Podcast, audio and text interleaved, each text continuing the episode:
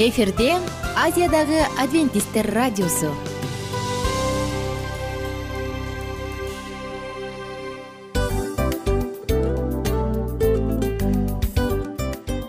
Достор салют. Баардык сүйүктүү угармандарыбызга салам айтабыз. Кутман күнүңүздөр менен. Ден соолук өмүрдүн булагы демекчи саламат саамы программасында баарыңыздарды көргөнүбүзгө абдан кубанычтабыз. Анда алгач амандашып өтөлү арбаңыздар деп. Ден соолугуңуздар кандай элибизде көбүнчө ден соолук кандай дегенде эле жакшы деп жооп беребиз э? ооруп турсак дагы жакшы дейбиз. Анан мен муну айтып ойлойт элем бул абдан сонун сөз депчи анткени бул жакшы деген үмүт да э ооба баары жакшы болот. Баары сонун. Деп үмүттөнүп атып эле өзүбүздү өзүбүз дарылап коебуз.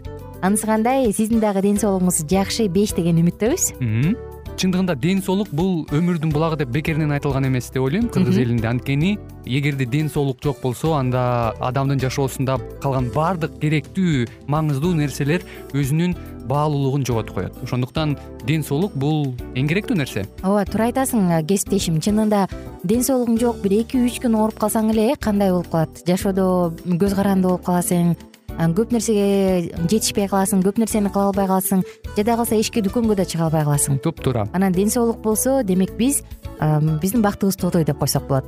Анда достор саламат саамы рубрикабызды баштайлы. Алдыда өзүңүзгө керектүү болгон сонун кеңештерди уга аласыздар. Мына ошондуктан биз менен бирге болуңуздар. Ал эми биз болсо милан жана айнура. Кеттик алга. Алга саламат саама ден соолуктун жарчысы. Саламат саама ден соолуктун ачкычы. Күн сайын сиз үчүн мыкты кеңештер сонун жаңылыктар кызыктуу фактылар биздин рубрикада.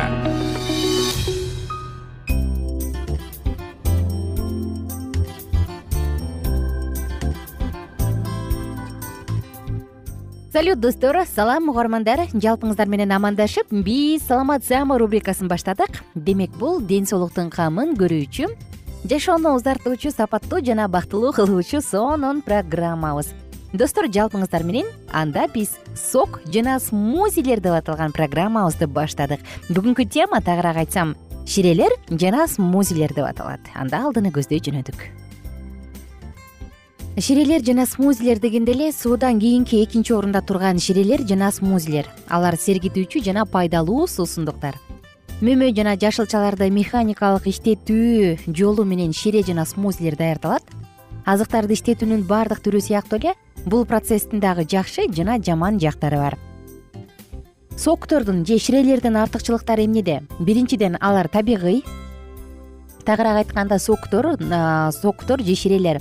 Жаңы чийки мөмө жемиштерден жашылчалардан жасалат. Мына ошондуктан алардын курамында эмне бар болсо ошолордун баардыгы сакталат жана албетте алардын дарылык касиети дагы толугу менен сакталат. Экинчи кезекте э, соктордо ширелерде витамин жана антиоксиданттар эң көп дозада болот. Кандай гана болбосун биз мисалы э, чийки жемиштерден аны мындай жегенде анчалык ала албайбыз. Анткени мисалы алты сабизди тиштеп чайнап жеш үчүн о тиш аябай бекем болушу керек э. Бирок ошол эле алты сабизден жасалган сокту ар бирибиз күнүнө ичип кое алабыз.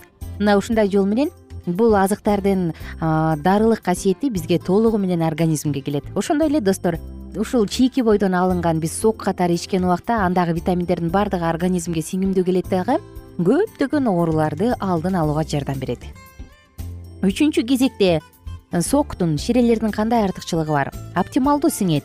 Сок анда деген эритилбеген клетчаткалар бар. Демек биздин организмде витамин минерал антиоксиданттардын баардыгы тең башка учурга же башка түрүнө караганда батыраак сиңимдүү келет. Кийинки артыкчылыгы детоксикация жана тазалануу. Соктордун баардыгы тең адамдын организмин уулардан тазалаш үчүн токсиндерди чыгарыш үчүн жана салмакты азайтыш үчүн эң сонун ыкма болуп саналат. Кийинкиси соктордун кандай артыкчылыгы бар? Биз өсүмдүктүн баардык бөлүгүн колдоно алабыз. Мисалы капустаны тамакка даярдасак баягы ак ылдый жагы бар эмеспи? Катуу сөңгөгү деп коебуз. Ал сөңгөгүн ыргытып салабыз. Чөптөрдү чөп чарларды колдонгонубузда биз алардын катуу жерлерин кесип туруп ыргытып салабыз. Же болбосо артишок болобу брокколиби булардын баардыгын тең биз катуу жерлерин ыргытып салабыз. А сок жасаган учурда дал ушул катуу жерлеринин баардыгын стебель деп коебуз. Баягы саптарынын баардыгын тең сокту алыш үчүн жасап салса болот. Жана ошондой эле кийинкиси тамактануунун сапаты. Биз айтып өткөндөй эле бул ушул сокторду жасаш үчүн жашылча мөмө жемиштердин баардыгын тең биз таза бойдон бүтүн бойдон кескилебей эч нерсе кылбай алат эмеспизби? Мына демек биздин тамактануубуз сапаттуу болот. Тагыраак айтканда биздин сокто дал ушул ширелерде мөмөдө эмне бар болсо ошонун баардыгы татынакай бойдон биздин организмге толугу менен кирет. Өзгөчө бул кичинекей балдар үчүн абдан маанилүү. Эми смузилер жөнүндө айтсак смузилердин кандай артыкчылыктары бар? Смузилерде дагы алар дагы баардык э, мөмө жемиш жашылчалардын компоненттердин баардыгын сактап калат. Ошол себептен анда эң көп клетчатка бар. Дагы биздин организмде глюкоза жана башка сонун азыктар менен камсыздайт кийинки артыкчылыгы смузи ачкалыкты же болбосо ачкал сезимин басып коет. Анын курамында клетчатка бар. Мына ошол себептен эгерде биз ачкалып атсак анда ачкалыгыбызды басат дагы эгер сиз арыктайм деген оюңуз бар болсо анда табитти басаңдатканга жардам берет. Жана үчүнчүсү азыктандыруучу. Мында дагы урук жана башка нерселерди өсүмдүк сүттөрүнүн баардыгын кошобуз. Мына ошол себептен ал бизди азыктандыруучу дагы азык бойдон кала берет. Эми артыкчылыктарын айттык. Келиңиздер ширелер менен смузилердин жетишпеген же болбосо кемчиликтерин айталы ашказанда дискомфорт болот. Алгач биз буларды ичкенде ашказаныбызда бир аз бир дискомфорт болот. Бирок бул узакка созулбайт андан коркпоңуз батири өтүп кетет. Кийинкиси глюкозанын көптүгү. Эгерде сок смузилерге биз кумшекер кошо турган болсок сахар кошо турган болсок анда кандын курамындагы глюкоза дароо көтөрүлөт. Бирок ушул эле ширелерди смузилерди кантсыз кумшекерсиз жасасак анда аны диабетиктерге да ичсе болот. Тагыраак айтканда ал коркунучсуз. Үчүнчүсү нитраттардын ашыкчыгы. Өтө эле көптүгү. Мисалы шпинат э? Теплицада өскөн шпинат же корнеплод же болбосо башка бир ыкмалар менен өстүрүлгөн жашылчалар болсо алардын курамында нитраттар бар. А нитраттар болсо жашылча жемиштөрдүн жашыл жалбырактардын табигый ингредиенти болуп саналат. Ошондуктан химиялык удобрение деп коет эмеспизби жер семирткич. Мына ушулардын баардыгын тең абайлаш керек. Канчалык деңгээлде өстүрүлгөн. Кайсы маалды жеп жатасыз? Ага дагы көңүл буруу зарыл. Мына ошондуктан эгерде сиз кичинекей балага берем десеңиз күнүнө эки жүз грамм шпинаттан ашык болбошу керек. Канчалык бир деңгээлде чоң адамдар дагы кичинекейлер дагы өздөрүнүн жашына карата туура туура өлчөмдө жегени зарыл. Болбосо нитраттар ашып кетет жана кийинкиси антикоагулянт деп коюшт экен. Дал ушул менен кандай анын байланышы бар? Аны дагы эске алыш керек. Эгерде витаминде витаминдерде к витамини абдан көп болсо анда дал ушул Э, синдром же варафарин сыяктуу оорусу бар адамдарда пациенттер муну абайлашы керек э? Канчалык жеш керек? Аны дагы сөзсүз көңүл буруңуз канчалык деңгээлде. Шпинат капуста томат жана башка азыктар витаминге өтө көп болгондуктан алар к витаминин нейтралдаштырыш үчүн канчалык бир деңгээлде өзүнүн э, жеген тамак ашынын өлчөмүн билиши керек. Албетте бул жакта сизге диетолог же өзүңүздүн жеке дарыгериңиз жакшы кеңеш бере алат. Мына достор ушундай. Бүгүн сиздер менен сок жана смузилер жөнүндө сөз кылдык. Албетте бул теманы кийинкиде дагы улантабыз. Анткени сок смузи ушул менен эле бүтүп калбайт. Алардын азыктандыруучу касиеттери бар алардын ферменттери бар антиоксиданттары жөнүндө айтабыз. Булардын баардыгы кийинки уктурууда. Мына ошондуктан жалпы угармандарыбызга айтаарым кайрадан амандашканча сак саламатта туруңуздар оорубаңыздар. Эгерде ашыкча салмак менен күрөшсөңүз бул ыкманы пайдаланыңыз. Анткени мен өзүмдөн жеке билем он күндүн ичинде төрт килограммга чейин арыктаганга мүмкүнчүлүк болгон. Бул менин жеке тажрыйбамдар анан албетте адамга кальцийге кенен берет адамды жашартат адамга жакшы бир сергектикти тартуулайт смузилер мен болсо сиздер менен коштошом достор. Кийинки уктуруубуздан кайрадан амандашып саатыбызды улантабыз бар болуңуздар бай болуңуздар. Кайрадан амандашканча күнүңүздөр көңүлдүү улансын.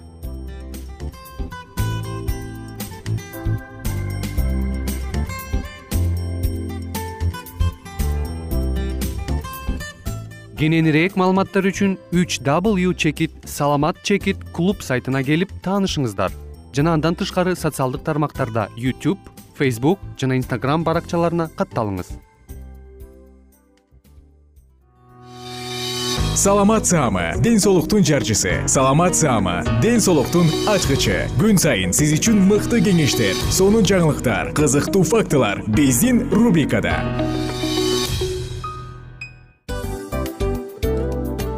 Салам достор.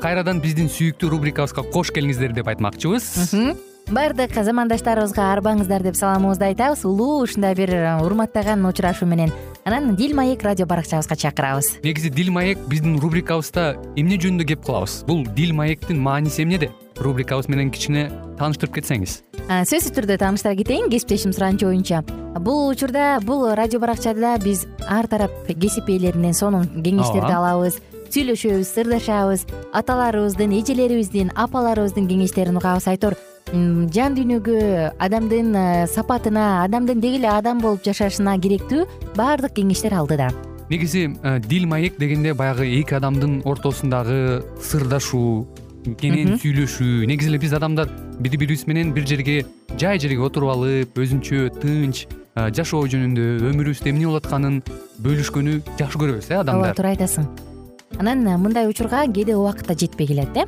Же болбосо сырыңды кайгыңды муңуңду кубанычыңды айткың келет а адамга ишенбешиң мүмкүн. Ооба. А бул радио баракча угармандарыбыздын чыныгы досу анткени бизден алган кеңеш сиздин жашооңузга чоң жардам берет.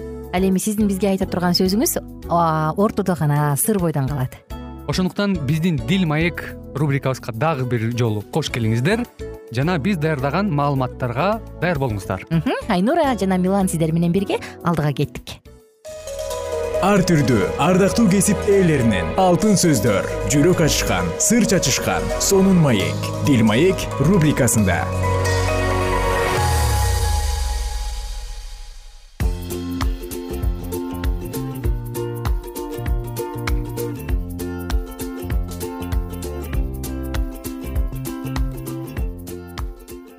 кутман күн достор. Кутмандуу куш убак күнүңүздөр менен бул сааттар дагы жагымдуу сааттардан болуп жатат деген үмүттөмүн жана алдыдагы мүнөттөр дагы сизди сөзсүз түрдө дагы да жакшы болууга үндөп жакшы болууга дем берет деген үмүттөмүн.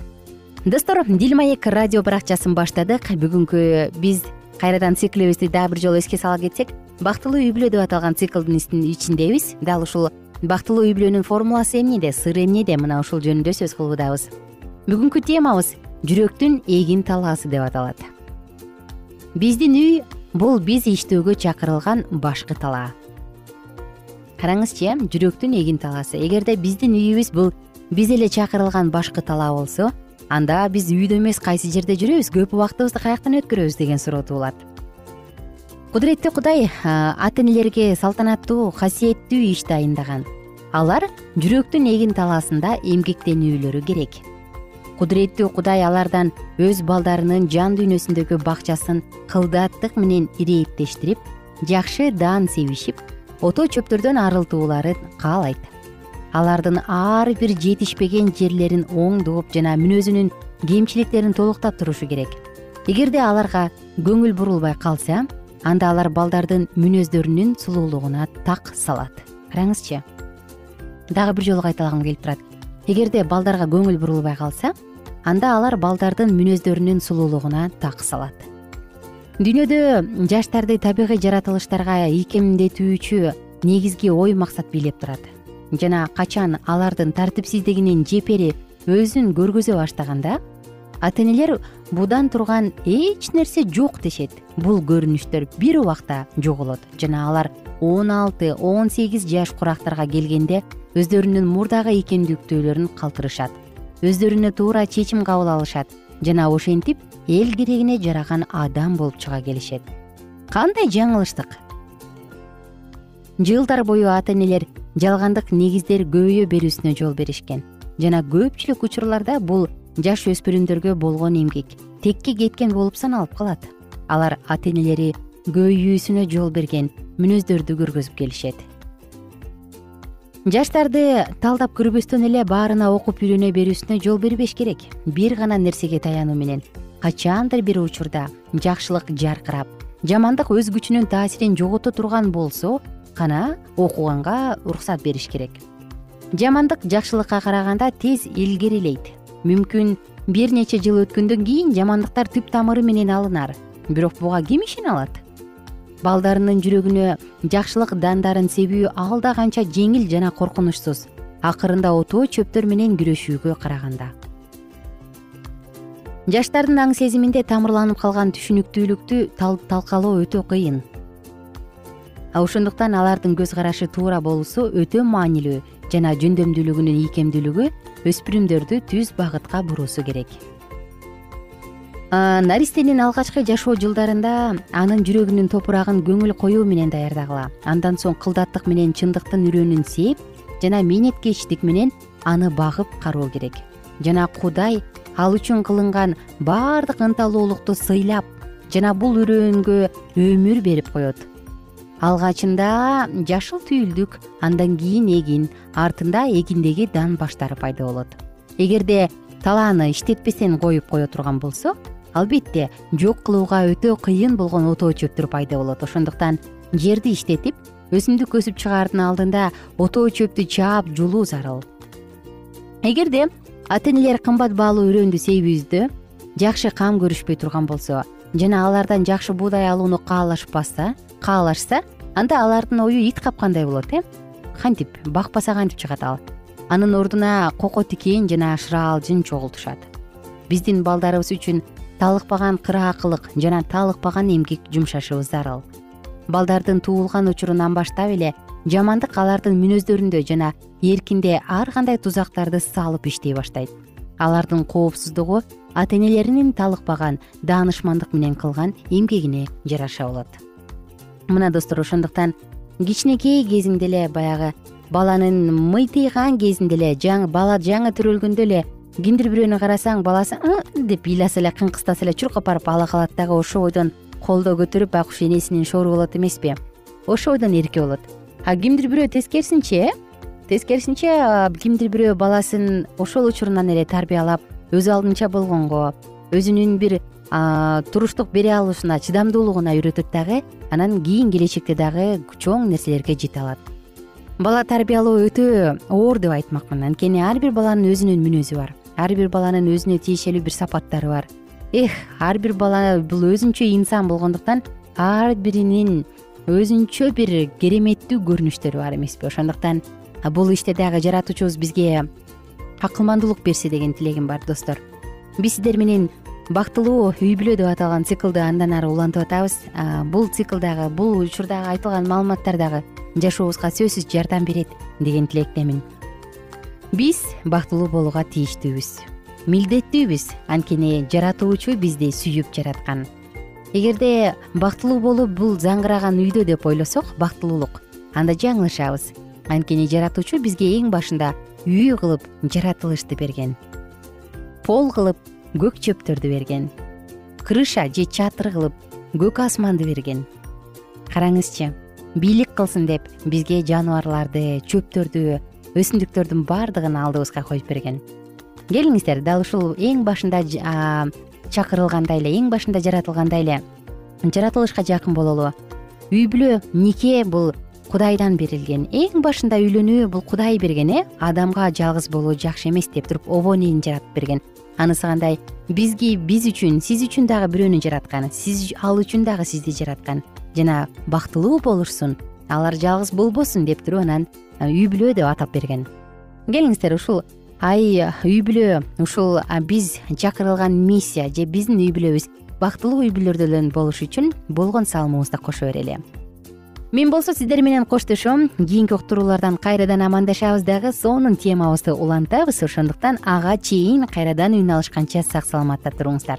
Күнүңүздөр көңүлдүү улансын бар болуңуздар бай болуңуздар. Маанайыңызды эч нерсе чөгөрбөсүн ал эми ар бир кичинекей быйтык ар бир наристе бактылуу болууга милдеттүү жана бактылуу болууга тийиштүү. Бул бактылуулуктун бир сыры.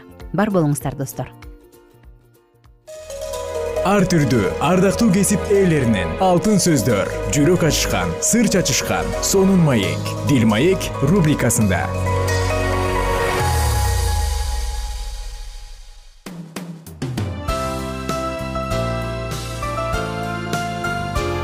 эфирде азиядагы адвентисттер радиосу.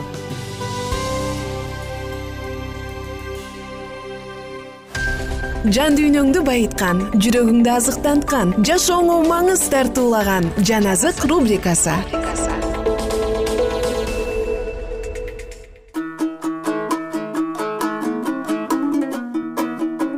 Саламатсыздарбы кадырлуу замандаштар. Жалпыңыздар менен жан азык уктуруусундабыз. Жана бүгүн дагы сиздер менен бирге эң сонун маалыматтарды инжил китебинен лука жазган жакшы кабардан окуп өтөбүз. Лука жазган жакшы кабар сегизинчи бөлүм. Эсиңизде болсо мурунку уктуруудан мурунку уктуруубуздун соңку мүнөттөрүндө биз ыйсанын гадара аймагында жин оорулуу менен ооруган адамдын ичинен жиндерди кубалап чыкканын жана алардын чочколордун ичине кирип кеткени жөнүндө окуганбыз. Бул окуяны андан ары уланталы ошондо гадара аймагынан келген бүт эл ыйсадан бизден кет деп өтүндү. Анткени аларды чоң коркунуч баскан эле. Ыйса кайыкка түшүп кетип калды. Жиндерден кутулган адам ыйсадан сени менен бирге жүрөйүн деп суранды. Бирок ыйса ага үйүңө бар кудайдын сага эмне кылганын айтып бер деп аны кетирип жиберди. Ал киши шаарларды кыдырып ыйсанын эмне кылганын айтып жүрдү ыйса көлдүн берки өзүнө кайтып келгенде аны эл тосуп чыкты. Анткени алар аны күтүп жатышкан эле. Ошол учурда жайыр деген киши келди. Ал синагоганын башчысы эле. Ыйсанын бутуна жыгылып ал андан өзүнүн үйүнө кирүүсүн өтүндү. Анткени анын он эки жашар жалгыз кызы өлүм алдында жаткан. Ээрчиген элдин көптүгүнөн ыйса кысылып бара жатты. Топ элдин арасында он эки жылдан бери кан кетип азап чегип жүргөн бир аял бар эле. Болгон мүлкүн дарыгерлерге жумшаган ал аялды эч бир дарыгер айыктыра алган эмес. Аял арт жактан келип ыйсанын кийиминин четине колун тийгизди. Ошол замат андан кан кетпей калды. Ошондо ыйса мага ким колун тийгизди? деди. Бардыгы мен эмесмин дешкенден кийин петир жана анын жанындагылар устат эл сени тегеректеп кысып турса мага ким колун тийгизди дейсиң дешти. Бирок ыйса кимдир бирөө мага колун тийгизди. Анткени мен өзүмдөн күч чыкканын сездим деди. Аял болсо жашырынып кала албасын билип калтырай басып келип ыйсанын бутуна жыгылды. Анан бүт элдин алдында ага эмне себептен колун тийгизгенин жана ошол замат айыгып калганын айтты. Ыйса ага коркпо кызым. Сени ишенимиң куткарды тынчтык менен бара бер деди. Ал ушинтип айтып жатканда синагога башчысынын үйүнөн бирөө келип кызың өлүп калды устатты убара кылбай эле кой деди. Ыйса муну укканда жайырга коркпо бирок ишен ошондо кызың тирүү калат деди. Ыйса үйгө келгенде петир жакан жакып менен кыздын ата энесинен башка эч кимдин үйгө кирүүсүнө уруксат бербеди бардыгы кызды жоктоп боздоп ыйлап жатышты. Ыйса аларга ыйлабагыла кыз өлгөн жок уктап жатат деди да. Кыздын өлгөнүн билген алар ыйсаны шылыңдап күлүштү ыйса бардыгын сыртка чыгарып жиберди да кызды колунан кармап кыз ордуңан тур деди. Ошондо кыздын жаны өзүнө кайтып келди ал ошол замат ордунан турду. Ыйса кызга тамак берүүнү буйруду. Кыздын ата энеси таң калды. Ыйса болсо аларга болгон окуя тууралуу эч кимге айтпоону буйруду. Лука жазган жакшы кабар тогузунчу бөлүм. Ыйса он эки шакиртин чакырып алып аларга жиндерди кууп чыгууга жана оорулууларды айыктырууга күч жана бийлик берди. Аларды кудайдын падышачылыгын жарыялоого жана оорулууларды айыктырууга жиберип жатып ал мындай деди. Жолго эч нерсе албагыла. Таяк да баштык да нан да күмүш да эки кийим да албагыла. Кайсы үйгө кирсеңер ошол үйдө калгыла жана ошол үйдөн жолго чыккыла эгерде силерди кайсы бир шаардын эли кабыл албаса анда ошол шаардан чыгып бара жатканда аларга каршы күбөлөндүрүү болуш үчүн бутуңардагы чаңды күйүп койгула. Алар жолго чыгып жатып айыл кыштактарды аралап бардык жерде жакшы кабар таратып оорулууларды айыктырып жүрүштү аймактын акими ирод ыйсанын кылган иштери жөнүндө угуп таң калды. Анткени бирөөлөр аны бул өлүп кайра тирилген жакан десе бирөөлөр ильяс пайгамбар келиптир дейт. Дагы бирөөлөр байыркы пайгамбарлардын бири тирилип келиптир деп жатышкан эле. Ират болсо жакандын башын алдырдым эле. А бул ким болду экен? Ал жөнүндө ушундай сөздөрдү угуп жатам деп аны көрүүгө ашыкты. Элчилер кайтып келип эмне кылгандарын ыйсага айтып беришти. Ыйса аларды ээрчитип алып бетсаида деген шаардын жанындагы бир обочо жерге кетти. Бирок эл билип калып анын артынан жөнөдү ыйса аларды тосуп алып алар менен кудайдын падышачылыгы жөнүндө аңгемелешти айыктырууну суурагандарды айыктырды. Күн кеч кире баштаганда он эки шакирти ыйсанын жанына келип элди тарат тегеректеги айыл кыштактарга барып өздөрүнө түнөк жана тамак табышсын анткени бул ийин жер дешти ошондо ыйса шакирттерине аларды тамак аларга тамакты силер бергиле деди бизде беш нан менен эки балыктан башка эч нерсе жок. Ушунча элге тамак сатып бермек белек дешти алар. Ал жерде беш миңге жакын адам бар эле. Ыйса шакирттерине аларды элүү элүүдөн катар катар кылып отургузгула деди. Ошондой кылып бардыгын отургузушту. Ыйса болсо беш нан менен эки балыкты алып асманды карап кудайга ыраазычылык билдирди да аларды сындырып элге таратуу үчүн шакирттерине берди. Бардыгы жеп тоюшту артып калгандарын чогултканда он эки себет болду. Бир жолу ыйса сыйынуу үчүн обочо жерге барды. Шакирттери жанына жанында болчу. Ыйса алардан эл мени ким деп эсептейт? деп сурады. Алар ага бирөөлөр чөмүлдүрүүчү жакан деп бирөөлөр ильяс пайгамбар деп эсептешет. Дагы бирөөлөр байыркы пайгамбарлардын бири тирилип келиптир дешет деп жооп беришти.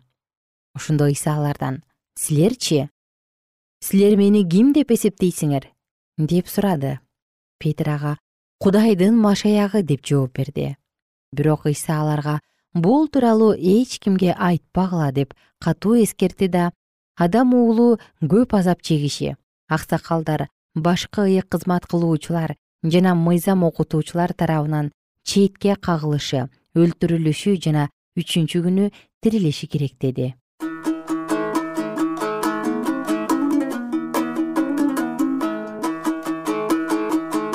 кадырлуу замандашым бүгүн дагы сиздер менен бирге лука жазган жакшы кабардын тогузунчу бөлүмүнөн үзүндү окуп өттүк.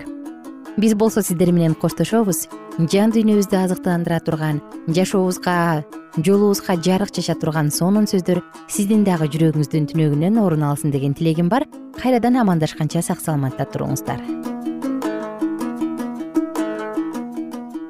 Эгер сиздерде суроолор болсо же көбүрөөк маалымат билем десеңиз анда биздин whatsapp номерибизге жазыңыз. Плюс бир үч жүз бир жети жүз алтымыш алтымыш жетимиш. Кайрадан плюс бир үч жүз бир жети жүз алтымыш алтымыш жетимиш.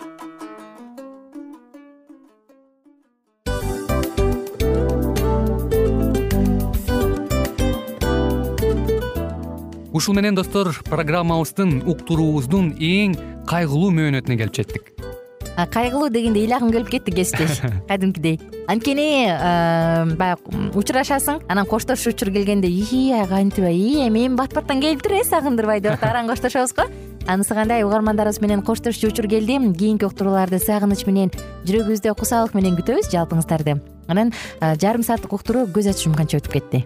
Сөзсүз. Бирок бизде жакшы кабар бар. Кийинки уктурууларыбызда сөзсүз дагы кезигишебиз. Анткени биз көптөгөн сюрприздерди кызыктуу маалыматтарды жана керектүү керектүү нерселердин көпүнчөсүн даярдадык. Андай угармандарыбыздын баардыгына ийгиликтүү күн каалайбыз эгерде бүгүнкү күнүңүз өзгөчө э, өтүшүн кааласаңыз анда позитивдүү ой жүгүртүп жылмайып жакындарыңызга жакшы маанай тартуулап жүрө бериңиз. Анткени сөзсүз түрдө мунун арты кайтат э? Сөзсүз. Баягы ден соолугуңа оңолот ал бул деп көп нерсени санап келебиз. Эң негизгиси бул сиздин жашооңузду жаркын кыла түшөт экен. Жараткан кудай ар бирөөңүздөргө батасын берсин жашооңуз ийгиликтүү болсун сак саламатта калыңыздар деп мен милан жана кесиптешим айнура. Баардыгыңыздар менен кийинки уктурууда үн алышканча. Баарыңыздарга ийгилик каалайбыз